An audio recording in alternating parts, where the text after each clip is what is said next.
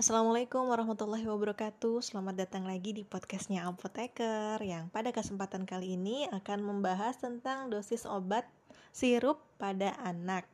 Nah bunda-bunda sekalian Pernah nggak kalau misalnya ke apotik atau nerima obat dari dokter di botol sirupnya itu ditulis misalnya untuk anak 2 sampai 5 tahun, kemudian untuk anak 5 tahun ke atas.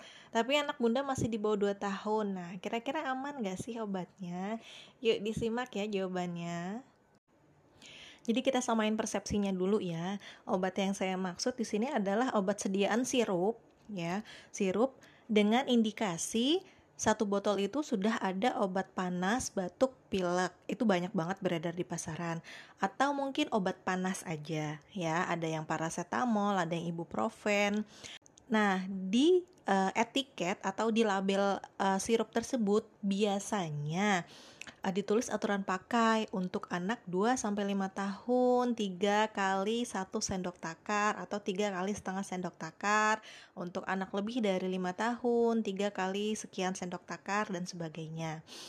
Nah, itu ya yang akan kita bahas di sini. Jadi nih sebenarnya kalau misalnya anak bunda yang umurnya kurang dari 2 tahun tapi dikasih obat itu aman gak sih? Boleh gak sih? Nah, Penjelasannya adalah Penentuan dosis obat tidak hanya ditentukan dari umur pasien, tapi yang lebih tepat adalah dengan menggunakan berat badan pasien. Nah, dalam hal ini si sirup, saya ambil satu contoh yaitu misalnya paracetamol uh, yang digunakan sebagai obat penurun panas dan pereda nyeri yang mungkin bunda-bunda punya di rumah ya. Jadi si paracetamol ini uh, adalah sediaannya uh, di pasaran tuh ada tiga. Yang pertama yang drop dengan menggunakan tetes, kemudian ada yang sirup sirup biasa atau apa ya nyebutnya. Jadi dia di dosis 120 mg per 5 ml atau per 1 sendok takar dan ada juga yang forte itu dengan dosis 250 mg per mililiter. Sedangkan untuk yang drop itu dosisnya adalah 100 mg per 1 ml ya per satu pipet penuh tuh. Nah, mungkin selama ini Bunda berpikir bahwa uh, yang drop yang tetes itu hanya untuk bayi, sedangkan yang uh, sirup nggak boleh digunakan pada bayi. Nah, itu bisa uh, mulai dirubah pola pikiran seperti itu karena kita udah tahu nih rumusnya bahwa dosis obat ditentukan dari berat badan, bukan dari bentuk sediaan. Nah, jadi saya kasih tahu rahasia sedikit. Bukan rahasia sih karena ini ada di brosur ya. Jadi, dosis lazim untuk paracetamol untuk satu kali minum adalah 10 mg per kilogram berat badan. 10 mg per kilogram berat badan. Jadi kalau anak bunda beratnya 10 kilo ya berarti sekali minum dia butuh 100 mg. Kalau misalnya beratnya 15 kilo berarti dia butuh di angka sekitar 150 mg.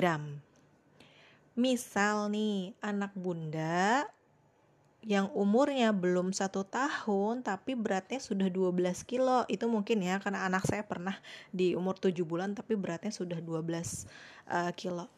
Itu bisa pakai yang drop tapi dengan dosis di 1,2 ml atau pakai sirup yang biasa pada dosis 1 sendok takar atau 5 ml atau bisa pakai yang forte dengan dosis setengah sendok takar karena dari 250 eh, setengahnya adalah sekitar 125 dan itu masih nggak apa-apa ya jadi itu salah satu contoh bagaimana kita mengatur dosis sesuai dengan kebutuhan uh, dari berat badan pasien.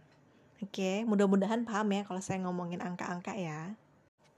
Contoh lain misalnya, kalau misalnya anak bunda batuk, flu, demam, terus ke apotik dan beli obat, biasanya petugas apotik akan merekomendasikan uh, satu merek sirup yang udah terdapat obat untuk mengatasi semua keluhan tersebut ya. Jadi satu sirup itu ada untuk obat panas, batuk dan pileknya.